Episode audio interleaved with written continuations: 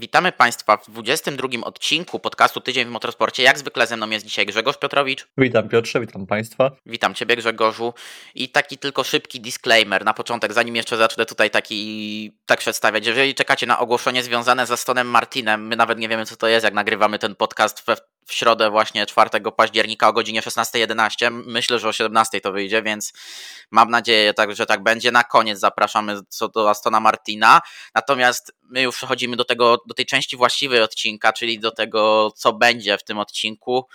I podsumujemy sobie te ostatnie trzy tygodnie w motorsporcie, gdyż nie było nas te trzy tygodnie. Miał, nagrywamy już ten podcast od blisko tygodnia, ale no dopiero teraz się zgraliśmy, tak czasami jest w życiu. No i Cóż Grzegorzu, ja nie będę przedłużał na wstępie i zaczniemy już od tematu hypercarów. Nie będziemy przedłużać, bo nie ma też sensu i powiemy sobie teraz o temacie Cadillaca i Porsche, gdyż Daily Sportscar nam tutaj wypuściło dość fajny artykuł wczoraj 3 października. Cadillac i Porsche będą miały różne podejścia na sezon 2024. Porsche pracuje nad poprawkami związanymi z wytrzymałością auta, gdyż nad, tylko nad takimi poprawkami mogą pracować w programie LMDH.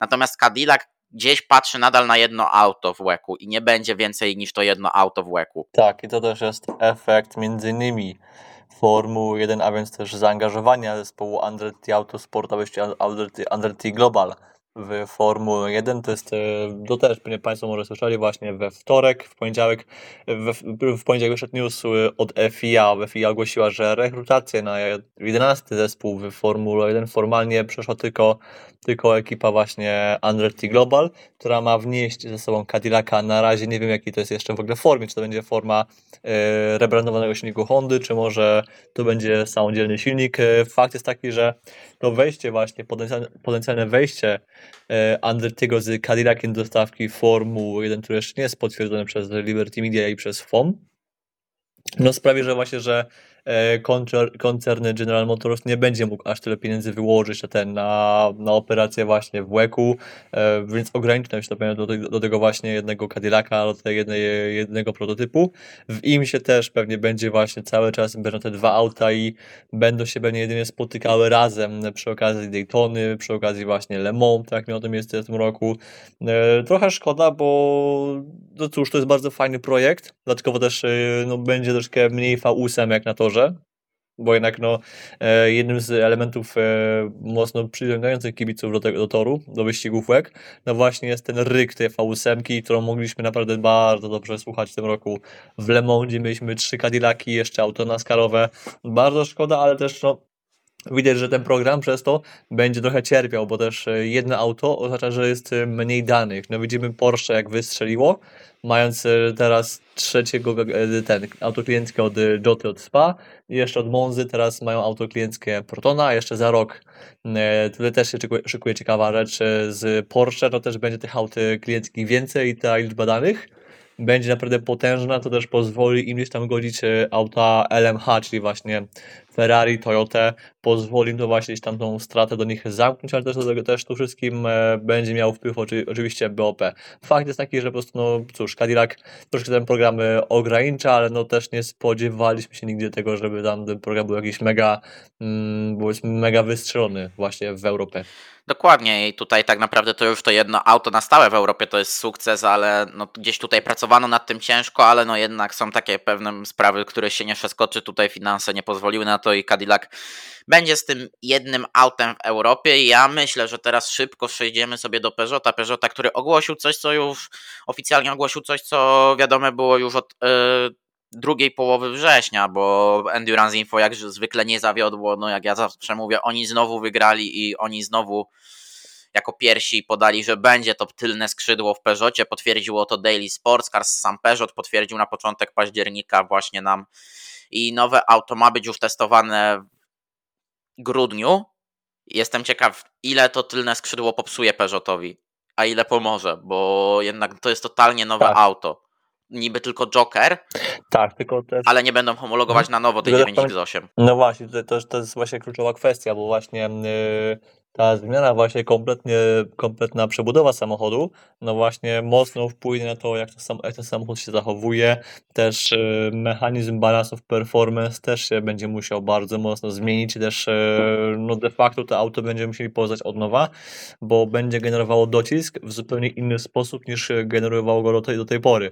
Fakt, będzie ten, ten sam sposób, jaki to uzyskuje Ferrari, czy Toyota, czy każde inne auto LMDH, LMH i LMDH bo będzie uzyskiwało go ze skrzydeł zamiast z podłogi ale wciąż jest to po prostu inna konstrukcja, kolejna zmienna, która będzie właśnie, którą trzeba będzie właśnie uwzględnić, uwzględnić w Balance of Performance. Tam jeszcze Daily Sports Car właśnie zaznaczało to, że taka właśnie zmiana też tam wymaga jakieś tam chyba zgody od innych producentów, bo to jest taka bardzo mocna przebudowa właśnie wykraczająca wręcz poza Jokery, że jak powiedziałeś, to będzie de facto homologacja 9X8 e, od zera, to też właśnie też, e, no też nie pozostaje bez znaczenia.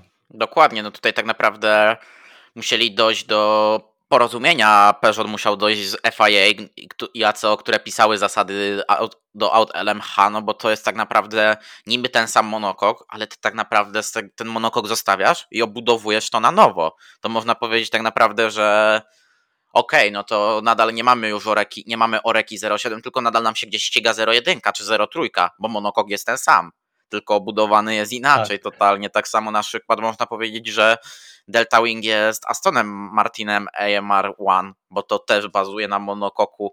Delta Wing bazuje na monokoku Astona Martina AMR-1. Ciekawy w ogóle projekt, ale to już jest inna sprawa. I właśnie, i tutaj to niby bazuje na tym monokoku, ale to jest tak naprawdę nowe auto. Peugeot będzie musiał się go na nowo nauczyć, na nowo je wytestować, więc będzie to ciekawe, ale widać, że muszą widzieć w tym jakiś potencjał i muszą chcieć jakoś zostać, jeżeli tak ro robią. Bo ja, bo wiesz, nie robi tak. nowego auta po, po, po, nic. Dokładnie. Widzą nowy potencjał, ale też e, można powiedzieć też, też desperację. Można powiedzieć, że to jest triumf e, triumf inżynierów nad stylistami, bo to głównie styliści mieli takie właśnie założenie, że no bo de facto hypercary nie są, że powiem, y, takim jakimś mega cudem dla tych, dla inżynierów, którzy chcą y, stricte pracować nad maksymalizacją osiągów. Nie. Tutaj jednak wciąż jest, y, tym polem jest wciąż Formuła 1 i de facto no jeszcze MotoGP i WRC.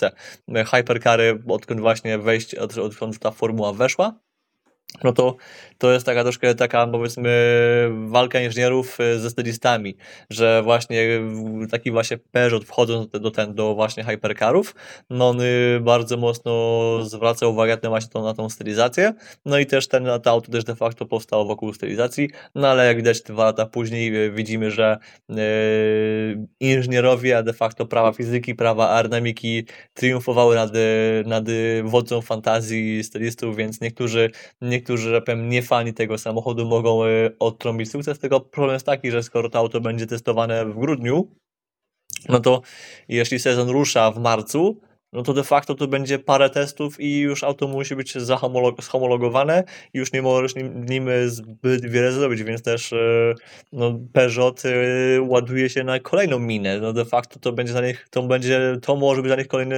stracony rok. Dokładnie i tu wiesz, i tak naprawdę dopiero wchodzisz do walki w 2025 roku, gdzie już każdy tak naprawdę będzie miał fajne auto. Toyota będzie może gdzieś już nawet z gier 020 kombinować, Ferrari będzie kolejne, będzie pewnie upgrade'y już wtedy wprowadzać, będziemy mieć trzeci rok aut LMDH, niektórych, nie, dla niektórych to będzie dopiero drugi sezon, ale nadal a ty dopiero wtedy wchodzisz poważnie do gry. Tak, no też tak powiedziałem, BOP też będzie wymagało kompletnego przebudowania, w sensie, że trzeba będzie nowe BOP w ogóle wyznaczać, a, przez to to auto będzie jeszcze bardziej e, nerfione, jeszcze bardziej będzie zbijane w dół, żeby właśnie przypadkiem nie okazało się, że jest rakietą i skoro mówimy o BOP, to też e, Francuzi wyłamali też inną ciekawą rzecz, że właśnie ten sposób, e, sposób mierzenia BOP też miałby nam się właśnie zmienić pod kątem już właśnie przyszłego sezonu, bo też e, do ACO, do FIA też dotarły słowa krytyki, między innymi tegoroczne Le Mans, to też to był taki mega punkt sporny.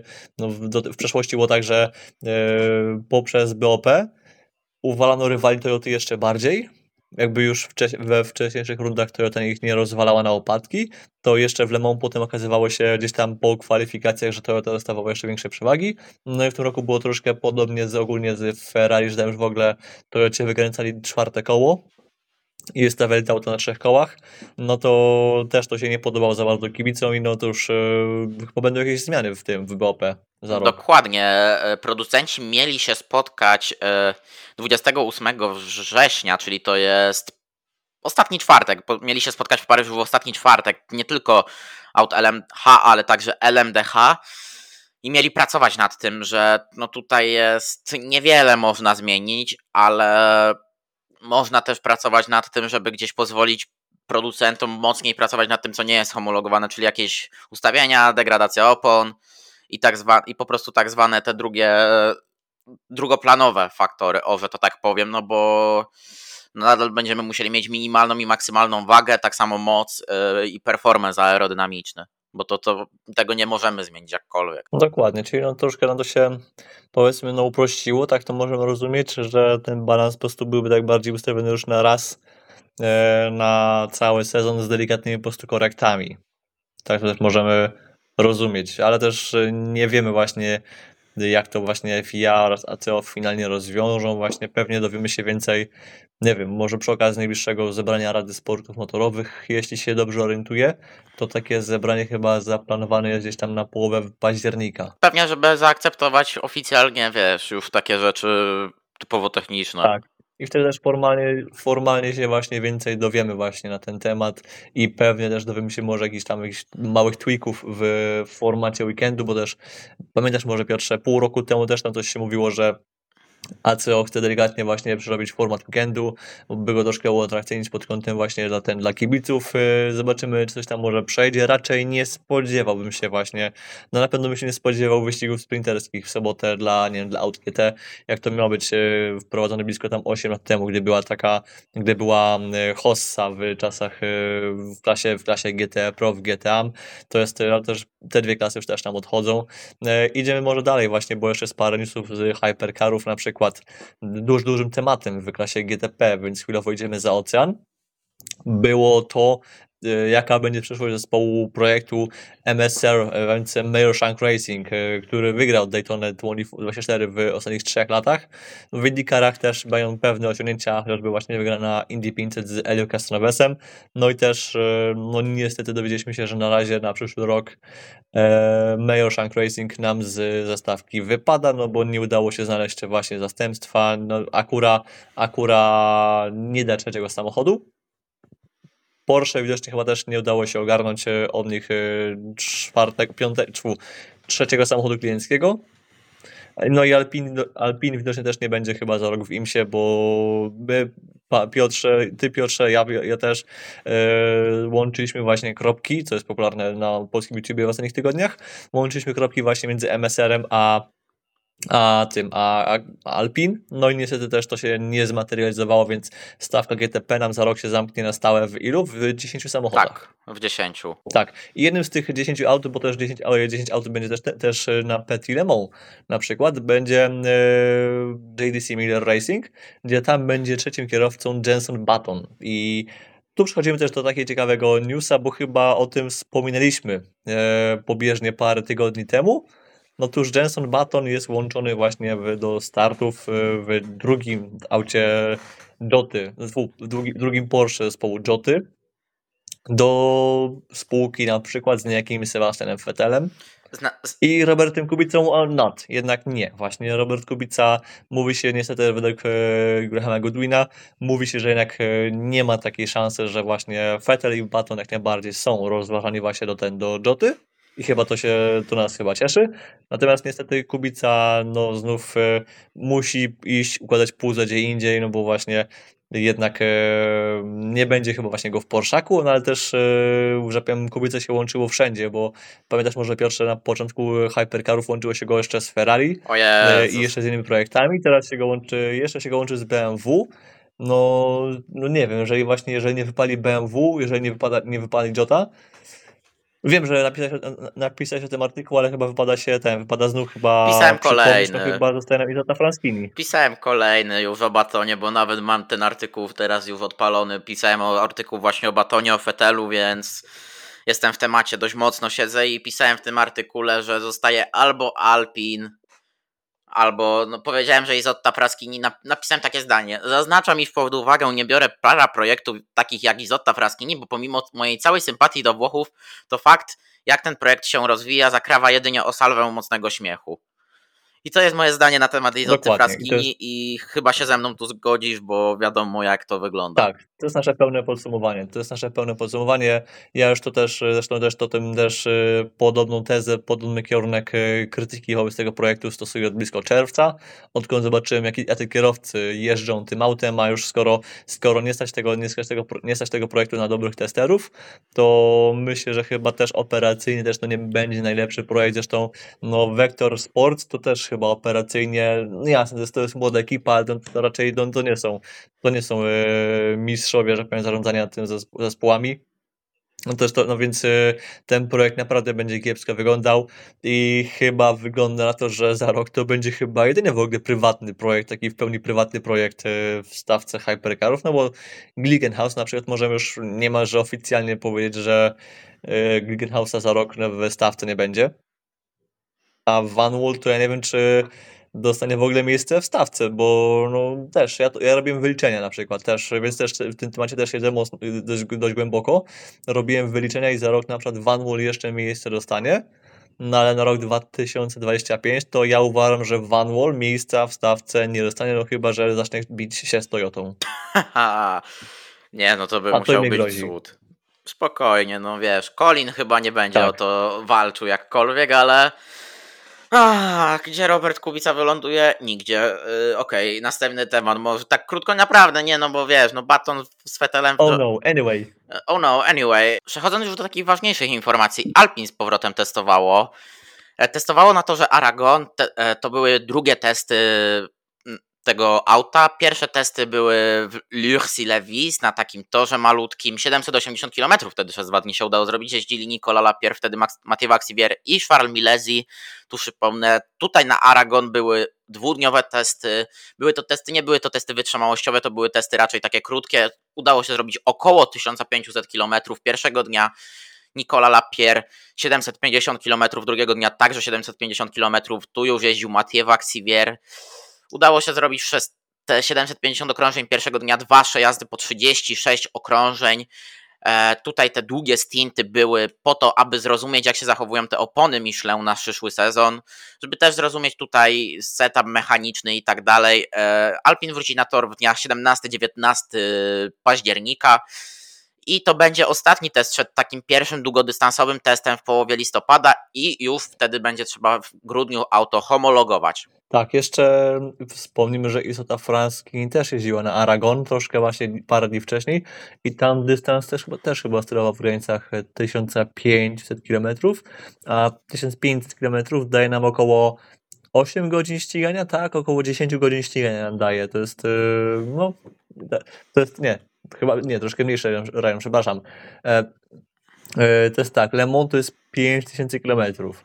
E, więc 1500 to jest około no, tych właśnie 8 godzin z groszami, więc yy, całkiem fajny dystans, ale spodziewałem się, że właśnie, że jakąś dwunastkę by już machnęli na przykład yy, to już byłby taki bardziej, to byłby taki dystans, który daje właśnie jakiś spokój. A jeszcze no w sumie też testuję właśnie Lamborghini co jakiś czas, ale Lamborghini niedługo chyba też ruszy z testami w USA, bo też no właśnie jesienią będzie, no USA będzie lepszym miejscem do testowania. Skoro też jeszcze mówią o testach, też warto jeszcze wspomnieć, że na testy przygotowują się zespoły z klasy Hypercar, bo tam przed jeszcze rundą w Bahrajnie, e, czy właśnie na to, że w Bahrajnie albo w Katarze ma być zorganizowany taki test, e, którego organizatorem ma być Porsche, ale tam de facto pojawi się też właśnie Toyota, prawdopodobnie Ferrari, e, Cadillac może też się pojawić, aż Cadillac teraz testował na torze Imola, pod kątem bardziej przygotowania samochodu, znaczy bardziej pod kątem operacyjnym, bo auta nie będą przebudowywali. E, i jeszcze parę innych ekip też tam ma się pojawić, więc e, no, ten okres jesienny między właśnie rundami WEC oraz pod koniec sezon IMSY no, jest taki bardziej, bardzo właśnie intensywny. Nie jest może tak intensywny jak rok temu, gdzie mieliśmy w Ameryce, to co chwilę jeździło Porsche, co chwilę jeździło BMW, co jakiś czas i co chwilę jeździła Acura, Cadillac oni testowali wszędzie, gdzie tylko się dało i to naprawdę było, tam było intensywnie. W tym roku no, jest mniej aut, nowych aut, więc y, jest testów, testów troszkę mniej, ale wciąż kalendarze poszczególnych y, ten, zespołów są napięte i to bardzo widać. Dokładnie, są bardzo napięte. Wiesz, też tam do Kataru jedzie BMW z WRT i mają tam podobno testować lub lub Katarze albo w Bahrajnie. Jeszcze tutaj zobaczymy, gdzie to będzie testowane, bo to jest taki temat, który jest dość gorący, ale jak już jesteśmy przy Alpin, ja bym przeszedł tutaj do plotek związanych z kierowcami, bo ostatnio Gustavo Menezes ogłosił odejście z Peugeota, potem go zastąpił Stoffel van Dorn w Peugeotie. I czemu wspominam o Gustavo Menezesie? Bo Gustavo Menezes był związany swego czasu z Alpin, jeszcze za czasów klasy LMP2 tej pierwszej, nie teraz, tylko wcześniej. I to jest tylko moja plotka, moje domyślenie, ale Francuzi z Endurance Info podrzucili nam tydzień temu, zeszły wtorek, myśl, jako iż obok tego, że Mick Schumacher, który ma testować podobno Alpina 424 jeszcze w październiku, do tej czwórki Schumacher, Lapier, Vaxivier, Milesi mógłby dołączyć Ferdinand Habsburg, który obecnie jeździ w WRT numer 31 w WEC w tym sezonie w LMP2 i Habsburg podobno już miał być blisko Alpin na ten sezon, ale no coś tam nie zagrało i teraz ma podobno dostać miejsce w Hypercarze. Jestem ciekaw, jak, jakby to wypaliło, ale naprawdę Habsburg zasługuje. Tak, też to też nie mam tu nic więcej do dodania, poza tym, że właśnie, że Habsburg zasługuje, bo no właśnie to było smutne, że de facto kierowca, który wywalczył mistrzostwo właśnie w LMP2 w pierwszym roku startu w, z WRT, no o nim się de facto nic nie mówiło, bo France to, to jest to wiadomo, że to jest już e, marka, to już jest, e, to już jest po prostu pewniak, tak, nie tak Bieda Koszta, to jest po prostu to jest ten sam poziom, że bardzo mocni kierowcy, którzy, którzy no robią, robią wyniki i spełniają podstawową funkcję kierowcy wyścigowego, więc robią, robią czynność na Z, ale nie mogę powiedzieć, bo to jest wulgarne słowo. E, natomiast właśnie taki Habsburg, no trochę właśnie było go szkoda, szczególnie, że też e, pamiętam rok temu, jak się wplątywał w tą całą akcję z tym e, nie wiem, jak to nazwać tą, tą akcję. Nie chcę nazwać tego skamem, nie chcę nazwać tego jakimś, nie wiem, e, jakimś, czymś na, opartym o NFT, ale no taką bardzo, taki bardzo dziwny pomysł, który miał rzekomo gdzieś tam y, sprawić, że będzie istniał jakiś zespół, którym y, fani będą decydowali tym, o tym, jaki tam, jak ten zespół ma się rozwijać.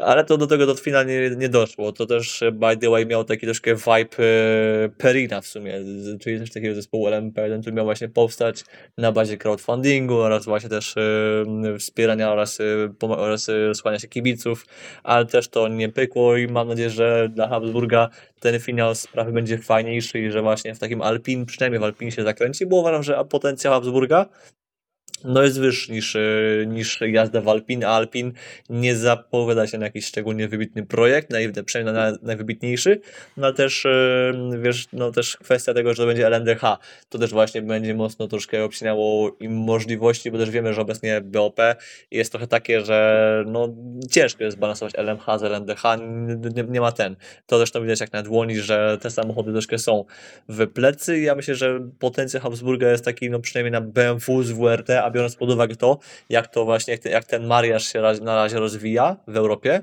to naprawdę BMW i WRT to będzie za rok minimum taki rywal dla, nie wiem, dla Porsche, dla Porsche Penske. Bo to też będzie bardzo mocna organizacja.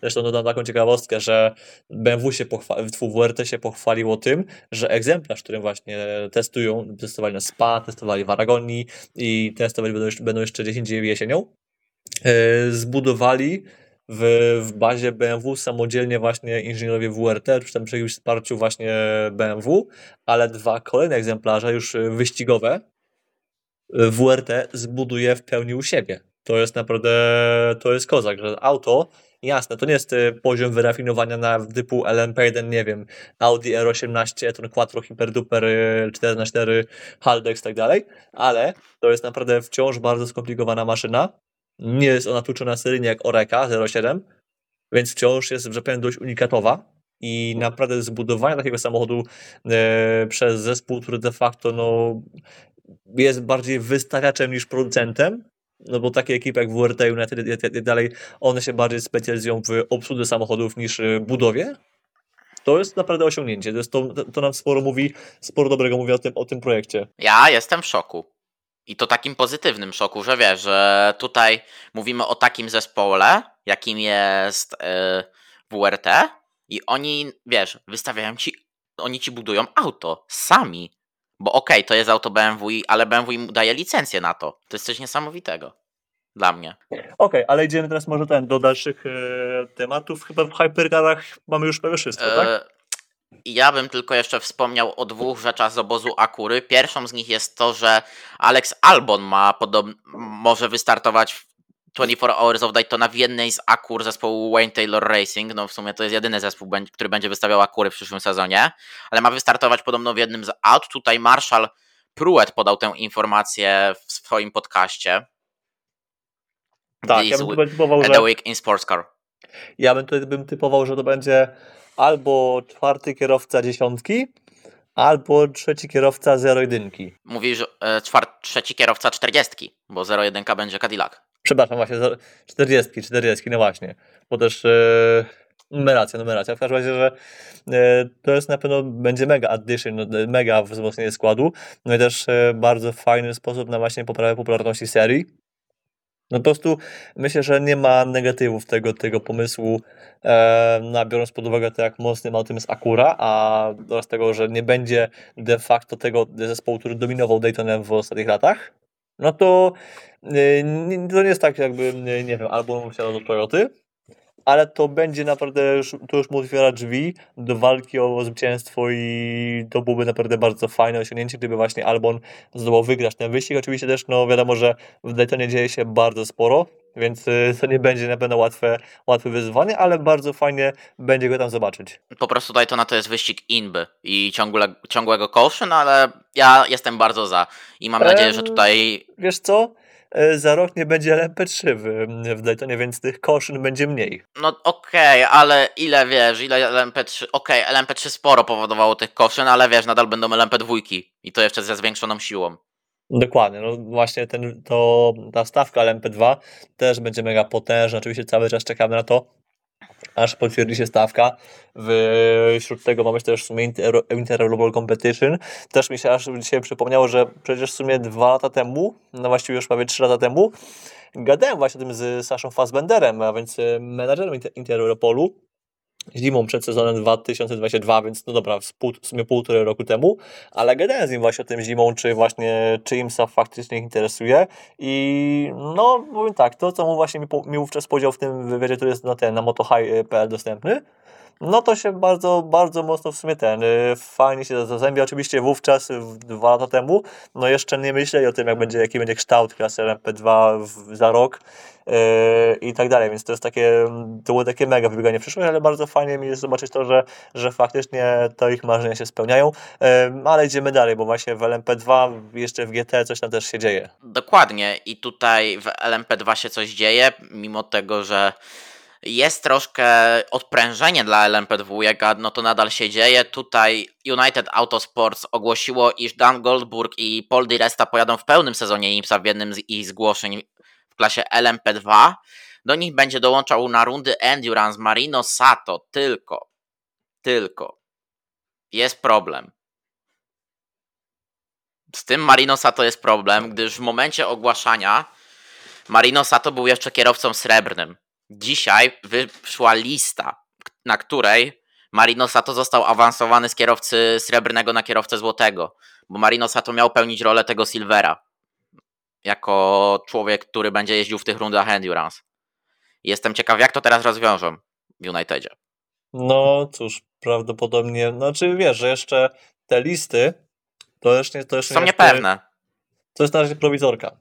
To jest lista prowizoryczna, a lista finalna wyjdzie tam w listopadzie, w grudniu właśnie, jak to wszystko zaakceptuje też FIA oraz, y, oraz y, Światowa Rada Sportów Motorowych i nieraz tam bywały już właśnie jakieś tam płacze, krzyki i ten, y, apelacja o to, by, by komuś rangi nie podnosić. No najczęściej w przeszłości był to w sumie, nie wiem, w sumie Roman Rusinów pamiętam najczęściej się właśnie o to właśnie pruł, bo de facto no troszkę mu to uwalało sens istnienia jego zespołu, bo gdyby był właśnie Silverem, E, Goldem, to no, jego zespół G, G Drive, który już oczywiście z wiadomych względów nie istnieje, No trochę ta operacja miałaby trochę średni sens, też no musiałby też, nie byłoby, nie, nie byłoby sensu, by on też jeździł jako kierowca, e, ale no też e, mówię, możliwe, że Sato nie dostanie właśnie finalnie awansu tej kategorii, skoro mówimy właśnie o, te, o ratingach kierowców, to może tu się zatrzymamy właśnie na taką chwil, chwilkę, na, taką, na takie dwie minutki, by właśnie parę takich e, nazwisk wyszczególnić. Tak, na taką szybką kawkę się zatrzymamy.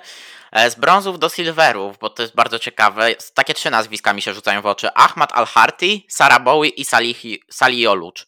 Sali Olucz zasłużony awans do silvera i musi to zostać moim zdaniem już teraz, bo to nie ma jakiejkolwiek drogi wstecz, bo patrząc na to, co pokazywał Turek w tym sezonie, no to chyba jedynie wytłumaczenia Bena Kittinga by mu mogły zostawić tą brązową licencję. Tak, tak. Natomiast potem idziemy, jest dość ciekawe w, właśnie w przejściu z Silvera do Golda, więc y, z tej, z tej licencji, która jest na wagę złota w LMP2, normalnym LMP2, nie proamowskim. E, tam na przykład Rui Andrade wchodzi właśnie, miałby wejść z Silvera w Gold, co jest e, pod kątem osiągów jest troszkę kontrowersyjne, ale z punktu widzenia tego, że de facto będzie mistrzem LMP2 w łeku, no to jest z, punkt, z tego punktu widzenia jest to jak najbardziej taka formalność, że to jest, to jest normalne, że mistrz LMP2 dostaje właśnie upgrade z Silvera do Golda, jeśli ma taką właśnie licencję. David Beckman, a więc dawniej kierowca F3, F2, e, kto jeszcze jest? Anton De Pascal, więc kierowca Supercarsów, amerykańskich, e, któż tu jeszcze jest? Michel Gatting. Australijskich. Australijskich, oj, e, e, jeszcze jest Michel Gatting na przykład, a więc też e, dość znana zawodniczka z Iron Dames właśnie w, w WEC-u oraz w LMS-ie, bo oczywiście bardziej w WEC-u i GT World Challenge i ona właśnie z Książę. Kurczaków. Właśnie, Król Kurczaków. Przepraszam, że ci przerwałem. Właśnie, jeszcze Ale Król Kurczaków dostanie w końcu awans. No właśnie, można powiedzieć wreszcie, po tylu latach w Formule 2, po kilku już latach w, w LMP2. To jest też e, ciekawe. Zobaczymy, czy to pozwoli też mu gdzieś się zakręcić właśnie, zakręcić właśnie w hypercarach, bo też mówiliśmy, że z jego składu Franz jest już, jest już zaklepany w BMW, Habsburg będzie prawdopodobnie w Alpine, no to właśnie jeszcze fajnie byłoby mieć miejsce dla właśnie Gela Ela. Zobaczymy, czy Andrade może jeszcze się też złapie do hypercarów, ale to już byłoby już ostatecznie, ostateczne upogorzenie Kubicy. E, dalej idąc jeszcze właśnie w, tej, e, w, tym, e, w tym stopniu, więc z Silvera do Golda, to Tim Heinemann, a więc kierowca DTM-ów, Brody Kosteki, a więc to jest obecnie chyba lider klasyfikacji supercarsów w Australii i to też, to też miałby w sumie sens, no bo za de facto za mistrzostwo w tej serii też się właśnie chyba dostaje upgrade bo ten system, ten system właśnie licencyjny obejmuje nie tylko sportscary, ale de facto cały motorsport na całym świecie i tylko tam kierowców F1 się, że powiem, wyjmuje, ponieważ kierowca F1 ma z automatu licencję platynową, więc to się de facto wyjmuje się to tak no z automatu, ale jeszcze właśnie, któż tu jeszcze jest w tej kategorii z takich ciekawszych nazwisk? E, Niko Varone. O, Niki Varone to też właśnie za mistrzostwo właśnie w w GTA z Kittingiem oraz z Nikim Kasburgiem też zupełnie normalne. Był już właśnie wspomniany Marino Sato, Clemens Schmidt, a więc kierowca też chyba DTM-ów e, tak. i Nolan Siegel, a więc kierowca, który w tym roku jeździł już w Azji w The Inter Pole Competition w ASLMS-ie, chyba jeździł też w LMP3 w LMS-ie, tak? Czy nie? Czy tfu, w e? W, LM, w LMP3 w IMSie też, Indy tak. Ja jeszcze tak podciągnę no nazwiska Christiana Rasmussena, mistrz Indy, przepraszam, Indy NX, NXT, e, Christian Rasmussen, mistrz Indie NXT, George Pearson, który jeździł w LMP, który jeździ w LMP2 z Unitedem obecnie, Kevin Simpson, czyli kierowca Chip Ganassi Racing na przyszły sezon w IndyCar, e, Kai Van Berlo także oraz Kasper Stevenson, który w tym roku jeździł w D-Station e, z, Tobonobu, z Tobonobu Fujim i Satoshim Hoshino, a także Thierry Vermeulen, który jeździł w tym roku w DTM-ach. O, Więc na przykład. Napra Więc... Naprawdę mocny, mocny skład. Tymczasem ja bym przeszedł do Złoto z Goldów do Złoto na platynę i to są takie naprawdę awanse ciekawe, gdyż jest między innymi Nick Cassidy. To ja jest ciekawe moim zdaniem. Ja jestem w szoku, że Nick Cassidy nie miał wcześniej właśnie, nie miał wcześniej właśnie platyny. Ja myślałem, że już miał platynę wcześniej. Nie miał. E, platynę dostał także Henrique Chavez. Tak. To muszę sobie Jake sprawdzić Dennis. za co, bo Jake Dennis, ale to wiesz, on został teraz kierowcą fabrycznym. No i też jest, jest jeszcze mistrzem świata Formuły E, więc też de facto... Więc tak, też, to już jest e, dopełnia wszystkiego. Dopełnia, ale znaczy, tak, no to też właśnie łączy się też z kierowcą fabrycznym, bo właśnie też taka jest zasada, że jeśli jest się kierowcą fabrycznym, to się ma z automatu, z automatu ma się platynę. Ktoś chyba w GTA w Astonie Martinie się rok temu właśnie próbował, że powiem, wymigać od właśnie od bycia platyną, bo właśnie przez to, że miałby tam być platyną, to mógłby być troszkę mniej atrakcyjny dla zespołów, no ale tam e, nie wiem, jak to się skończyło, to nie jest ważne. E, Christian Engelhardt, a więc kierowca de facto bardziej GT, też e, dawniej w Porsche Super Cup, Mitch Evans, kierowca Jaguara, Fu, już nie Jaguara w Formule E, Rosgan, a więc no myślę, że taka młoda gwiazda powiedziałbym, że naprawdę mega aspirujący kierowca właśnie Astona Martina, ale Astonie Martinie też troszkę może będzie później, ale to pewnie już może dogramy to na koniec. E, Rosgan, bardziej kierowca znany z Heart of Racing, e, właśnie Astona Martina w IMSie głównie, bardzo mocny kierowca. E, Scott McLaughlin, więc kierowca dawniej Supercarsów, teraz IndyCary, Sandy Mitchell, Tomo Miata, Chaz Mostert, też kierowca Supercarsów, więc spór tych kierowców zostali jest. Pato Ward, to mnie dziwi, że dopiero teraz został kierowcą są e, ten, dostał platynę, bo już myślałem, że za mistrzostwo w Indykarach jest e, e, platyna, a dopiero po drugim tytule został ten, dostał... Alex Palu, o Aleksie Palu mówisz. Alex Palu, sorry. Ale, ale ja powiem ci, ale... też jestem zdziwiony, bo on myślałem, że już dostał po pierwszym tytule dawno temu platynę, a nawet wiesz, po Super Formuli. Też. Golda no to na pewno. Właśnie i Patoword i Palą, o ile Patoworda jeszcze tu rozumiem, bo dopiero teraz, no bo jeszcze nie ma jeszcze aż takich osiągnięć, to właśnie po Palą, no jestem lekko zszokowany. I jeszcze jest Thomas Preining, którego uwielbiasz, którego najchętniej byś wsadził do ten, do prywatnego Porsche za rok. Może to się spełni, ale to jeszcze jest, e, jeszcze musimy poczekać. No bo to wiesz, to też jest ta młoda gwiazda, wymieniłeś tutaj e, Rosagana, ale dla mnie Thomas Preining to jest kolejny z tych talentów, który wiesz, to jest ta młoda krew, która wejdzie i supercarsów, no 98 rocznik. To jest tak. naprawdę młody wiek jak na endurance. Wiesz, 25 lat i ta jego kariera idzie wręcz no po prostu jak po sznurku. Tak. W zeszłym roku piąty w DTM-ie, w tym roku jest obecnie na drugim miejscu. Jeździ w Manteju w tym roku, wszędzie praktycznie, gdzie możliwe. Jeździł w zeszłym roku w Dynamiku.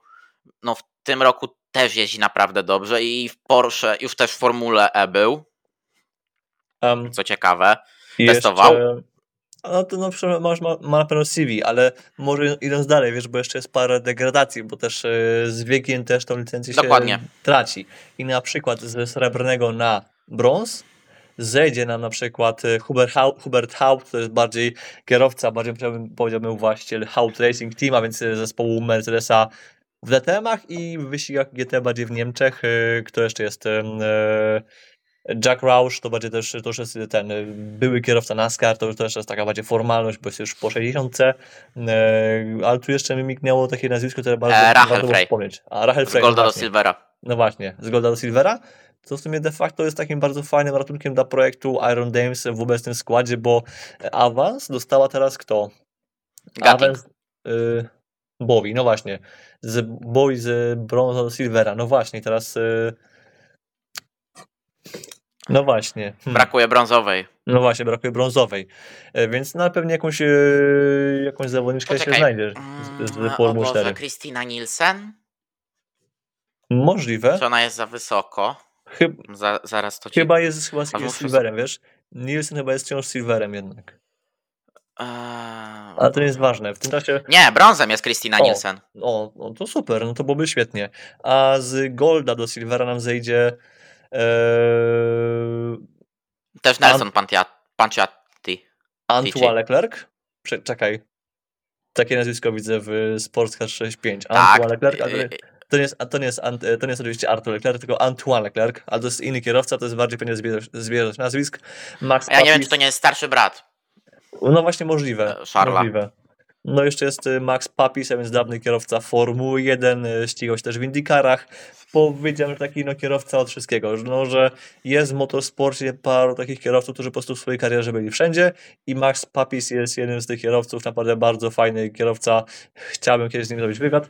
A z platyny na Golda, właśnie po 50, bo po 50 dopiero traci rangi, schodzi Thomas Eng, ale raczej Thomasowi Eng chyba ściganie nie grozi, od, odkąd wyszła pewna afera na jaw. O, to nie słyszałem.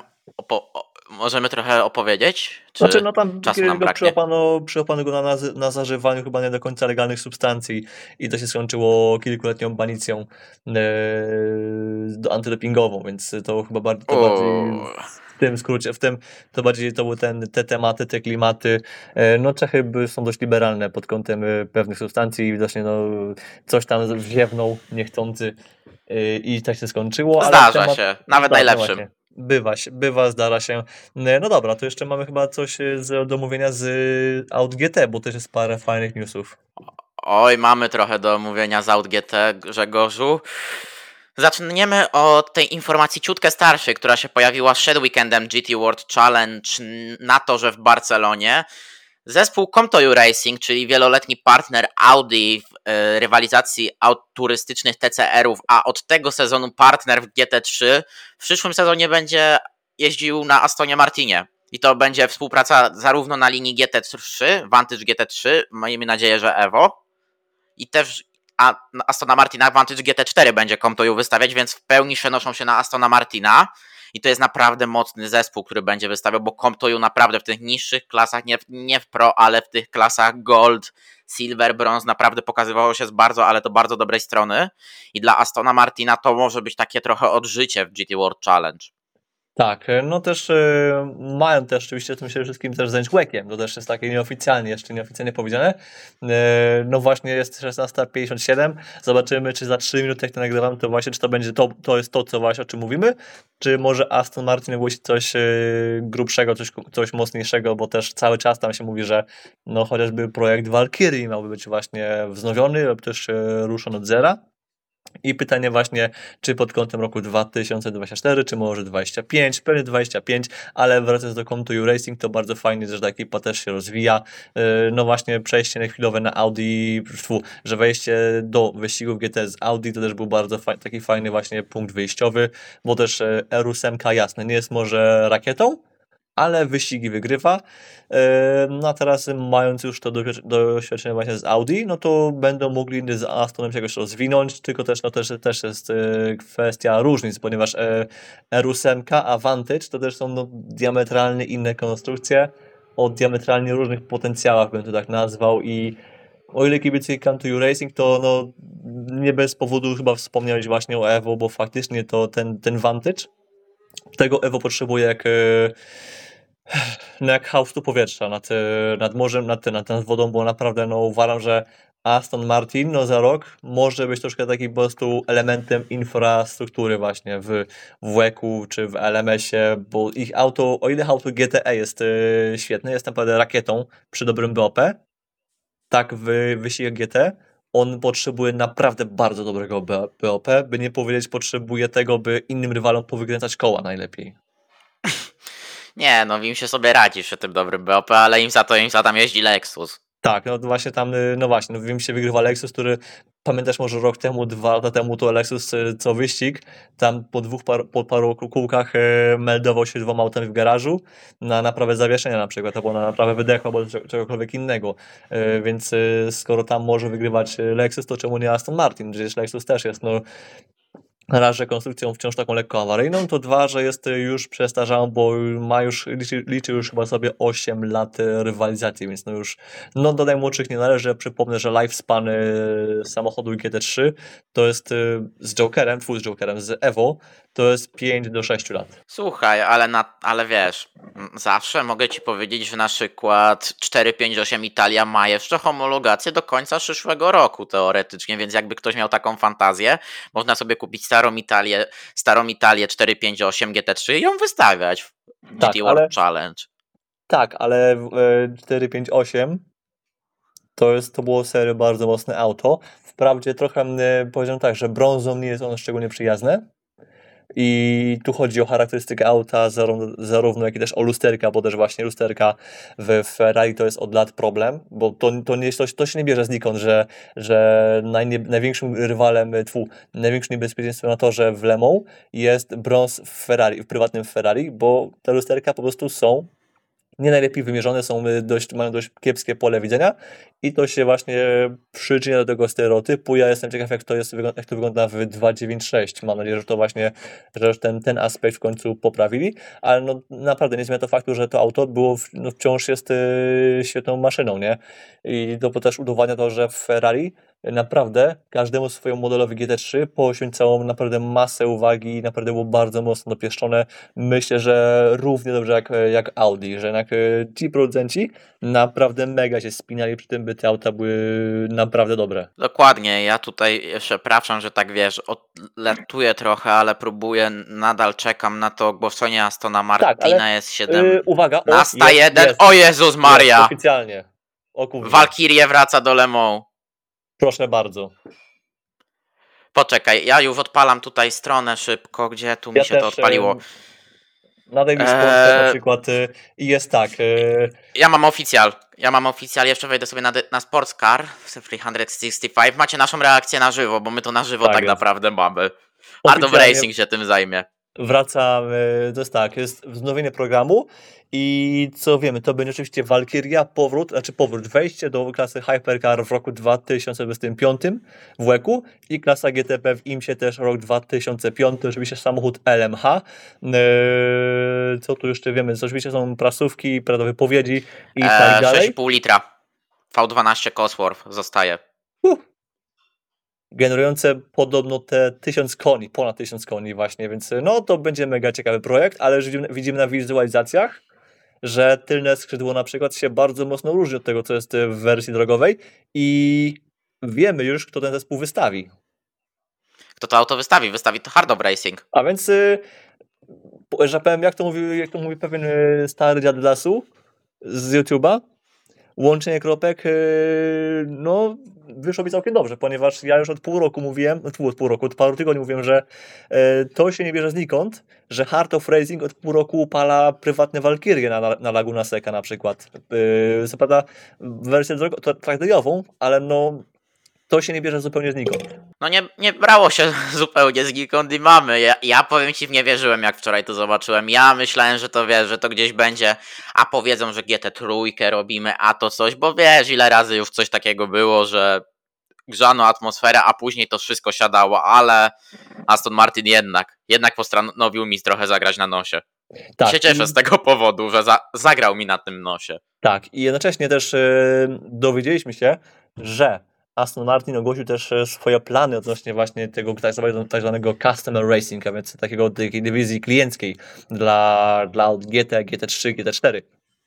I wiemy, że w 2024 roku zadebiutuje zupełnie nowa wersja GT3 oraz y, GT4 modelu Vantage, który już obecnie teraz jest testowany i w przyszłym właśnie roku zadebiutuje on właśnie w WEC-u, w IMSie oraz w seriach y, SRO GT World Challenge y, w różnych rejonach świata. Pewnie głównie będzie Europa oraz Stany Zjednoczone, ale pewnie Azja też jest tak najbardziej sensowna, prawdopodobna, bo tam też pewnie będą klienci, więc naprawdę Aston Martin dziś ogłosił naprawdę grubą rzecz, że to jest e, potężna właśnie, potężna ten, potężna informacja, bo de facto właśnie wchodzą w prototypy tak na, pełne, na pełnym ten, na pełnym, na pełnym, z pełnym zaangażowaniem i jednocześnie też yy, ogłaszają, że zostajemy z, zainteresowani właśnie autami GT3, że wciąż y, nasze zaangażowanie się nie zmienia i wciąż bardzo ważni są dla nas klienci właśnie w tejże kategorii. To jest bardzo, to jest duży dzień dla Astona Martina. Wow, Aston Martin odżył. Brawo Lawrence Stroll. Y, jak zarżnąłeś najpierw, panie Lawrence, te programy, to teraz je odkopujesz i robisz to w najlepszym możliwym stylu.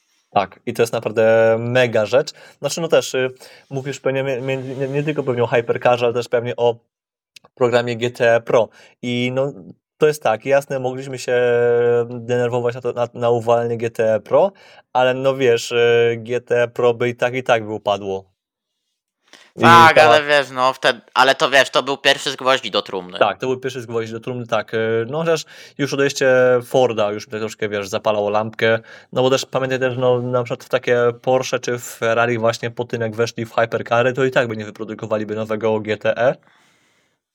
Corvette też by się nie zainteresowała, więc Aston Martin, który de facto jest budowany przez ProDrive'a, no też by się nie zainteresował, więc no cóż, naprawdę potężny, potężna dawka newsów, a jeszcze o w tym wszystkim też e, prawie zapomnieliśmy, bo chyba nie wspomniałeś o Dynamic Motorsport. e, Nie, to nie wspomniałem, bo wiesz, bo ja tak czekałem na tą informację właśnie. i wiesz, i tak czekaliśmy trochę i po prostu, wiesz, no to nie upchaliśmy tego, bo ja Tak, wiesz, ja pamiętam to- o tym, tylko wy po prostu... No to Tu byśmy nie upchali. na koniec właśnie, że Dynamic Motorsport e, oficjalnie będzie za rok e, dwa egzemplarze Forda Mustanga GT3, a więc e, będziemy mieli, ten, będziemy mieli Mustanga w GT World Challenge za rok, e, Europe. Dokładnie, będziemy mieli dwa, dwa Mustangi GT3 w GT World Challenge Europe wystawiane przez Dynamic GT. To było ogłoszone już po weekendzie GT World Challenge, e, GT World Challenge Endurance Cup w Barcelonie. Także Proton myśli o tym, żeby Ford, Forda Mustanga GT3 wprowadzić do LMS. European Le Mans Series e, LMS-a i też podwoić tam program LMP2, gdzie udało się na przykład już zgłosić dwa auta do AS LMS-a, więc widać, że Proton chce, też już chce być taką drużyną na miarę AF Corse, po prostu że robią wszystko, tak naprawdę. Tak. E, I tutaj można to powiedzieć. E, A także jeszcze wspomnimy tutaj szybko, że mówi się, że Dani Hunkadeja miałby pojechać w TF Sport w, w TF Sport w korwecie GT3. Nieźle. No ale też y, taki Hunka Deja, czy też Rafael Marcial, no to też widzisz, że e, czy, łapią się każdej szansy, bo wiedzą, że zostają z Mercedesem, nie mają zbyt wielu szans na wejście do Mistrzostw Świata, a to są bardzo utalentowani kierowcy, którzy jednocześnie no już najmłodsi też już nie są. I to jest, e, to jest u nich problem, że ten, ten zegar u nich już tyka. Znaczy, ty, zegar każdemu, tyka każdemu, tylko no u nich naprawdę już te wskazówki są już poszły bardzo daleko i też e, no oni muszą już właśnie kombinować e, radykalnie, aby właśnie móc gdzieś tam się jeszcze właśnie w Mistrzostwach Świata pojawić. No bo fajnie, że Marcelo znów został mistrzem GT World Challenge e, Endurance Cupu w Europie z Timburem Bogusławskim.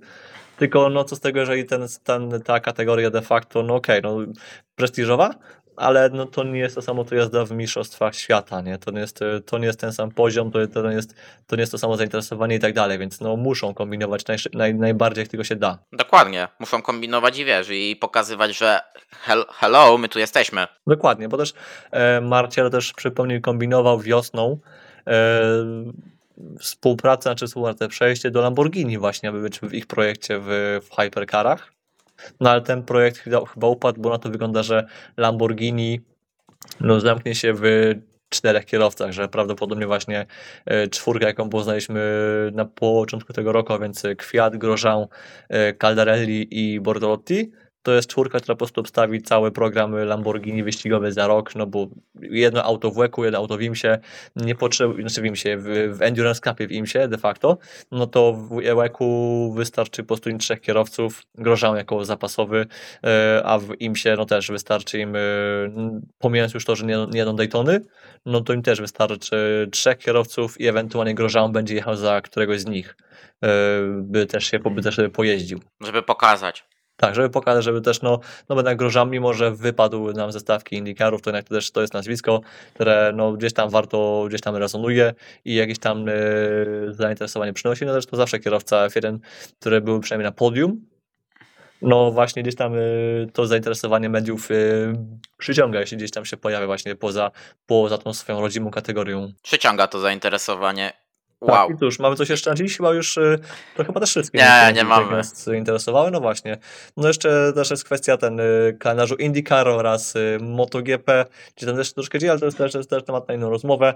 Ja myślę, że na dziś to chyba będzie właśnie wszystko. To będzie wszystko. Ja jeszcze tylko przypomnę na zakończenie. Aston Martin wchodzi do klasy, do, wchodzi do Hypercar i do GTP pomiędzy, dzięki Valkyrie LMH, która będzie wystawiana razem z Hard of Racing. To taka najważniejsza informacja z tego odcinka, myślę. Tak jest. Która na koniec się pojawiła, dzięki temu, że akurat siedliśmy i to nagrywamy praktycznie jak ta informacja wyszła, więc macie nasze reakcje na żywo. No ja jestem w szoku, niesamowite to Ja po też. prostu. No po prostu jestem zachwycony tym, co się stało i chyba stało się to, co było naszym marzeniem od bardzo, ale to bardzo dawna. Dokładnie, dokładnie. Okej, i tym akcentem zakończymy, myślę, ten odcinek Tygodnia w Motorsporcie. My się pewnie usłyszymy przed Petit Le Mans, jeszcze lub już po samym Petit Le Mans, to zależy od tego, jak to Kalendarza będzie wyglądało. Tak, dokładnie, bo tutaj u nas jest to wszystko właśnie tak jak mówisz, kalendarze, kalendarze zmienne i tak dalej. Ja bardzo dziękuję Tobie, za, Grzegorzu, za ten odcinek dzisiejszy. Ja pierwszy Tobie też pięknie, pięknie dziękuję, też dziękuję, dziękuję Państwu za obecność. Dziękujemy bardzo Państwu za słuchanie nas. Y, Zapraszam na social media Grzegorza Małpa G. Piotrowicz 66, Twitter, Instagram. Grzegorza można czytać na motohike.pl, także live Grzegorza na YouTubie, Grzegorz Motorsport Piotrowicz. Moje social media Szczepani Go Moto. No i cóż, i słyszymy się następnym razem i dziękując pięknie Państwu, mówimy do usłyszenia. Do usłyszenia.